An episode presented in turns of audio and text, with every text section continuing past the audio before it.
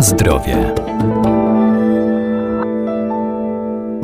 Zdrowe żywienie to zbilansowana codzienna dieta. Powinna obfitować w warzywa i owoce, chude mięso czy nabiał, ale też nie może w niej zabraknąć innych ważnych składników. Dlatego nie warto ulegać trendom żywieniowym i wprowadzać specjalistyczne diety bez uzasadnienia, przykład wysokotłuszczową.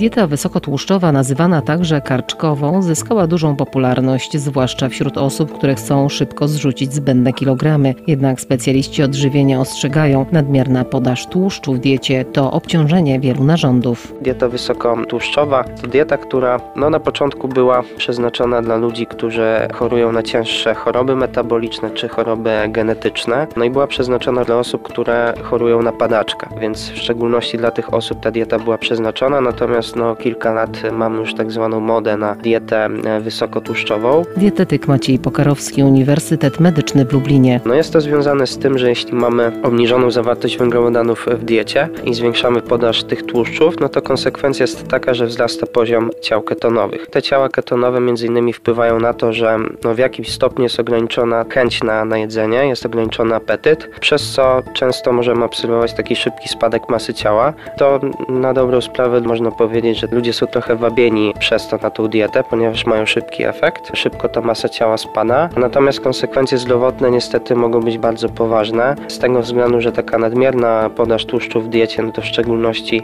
e, jest obciążenie nerek, obciążenie też wątroby, no i obciążenie również e, trzustki. E, może dochodzić nawet do upośledzenia pracy mięśni i zaburzeń pracy tarczycy. No jeśli chodzi o te ciała ketonowe, tak jak powiedziałem, one będą w jakiś sposób hamowały ten apetyt, apetyt. No i kwestia jest też taka, że mamy tak zwane zjawisko ketozy, przed którym można się uchronić e, spożywając 50 gram węglowodanów w ciągu dnia. Poniżej tych 50 zachodzi zjawisko nadmiernej produkcji tych ciał ketonowych. No i dodatkowo radziłbym się nie łapać na, na tego typu szybkie efekty, ponieważ tak jak dobrze wiemy, co przychodzi szybko niekoniecznie jest zdrowe dla e, naszego organizmu. No i dodatkowo mogę dodać, że przy tej diecie wysokotłuszczowej często powstają również toksyczne związki dla naszego organizmu, a między innymi jest to metylogloxal, jest to czynnik, który może uszkadzać naczynia krwionośne.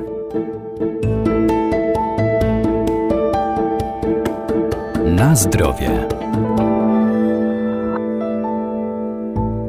Dieta wysokotłuszczowa jest bogata w produkty o wysokiej zawartości tłuszczu, jak mięso, masło, jaja czy smalec i niskiej zawartości węglowodanów, poniżej 50 gramów. Tak jak wspomniałem, jeszcze oprócz tych dolegliwości, czyli obciążenie nerek, wątroby, no również dochodzi do oczywistego wzrostu poziomu cholesterolu i lipidów, co może przekładać się na choroby układu sercowo-naczyniowego. Także na dobrą sprawę najlepszym rozwiązaniem jest tak naprawdę ograniczanie nie jakiegoś składnika pokarmowego odżywczego w żywieniu, ale dobranie odpowiedniej kaloryczności, obniżanie kaloryczności żywienia i lepiej według badań już mieć mniejszy spadek masy ciała, niż mieć takie e, boom, czyli ogromny spadek masy ciała w krótkim odstępie czasu, a później nawet w konsekwencji efekt jojo. E, jeśli chodzi o dietę wysokotłuszczową, ona często jest też nazywana dietą e, karczkową, z tego względu, że tam są rzeczywiście takie produkty wysokotłuszczowe. No i na początku na pewno ciężko jest się przestawić, bo poniżej 50 gram węglowodanów w ciągu dnia, no to na dobrą sprawę nie można sobie pozwolić nawet na żaden owoc. Bardzo trzeba uważać na wszelkie dodatki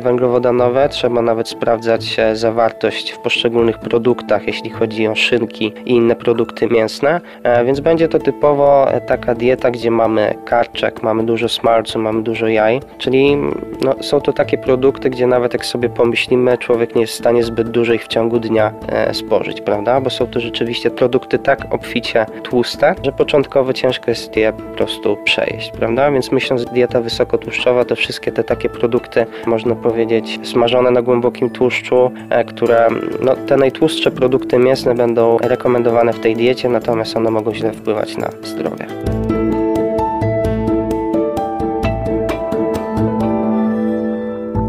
Każda dieta powinna być dostosowana do indywidualnych potrzeb, bo każdy z nas jest inny. Dlatego, jeżeli zdecydujemy się na zastosowanie konkretnej diety, to zawsze warto, zwłaszcza pierwsze kroki, skonsultować z dietetykiem bądź lekarzem.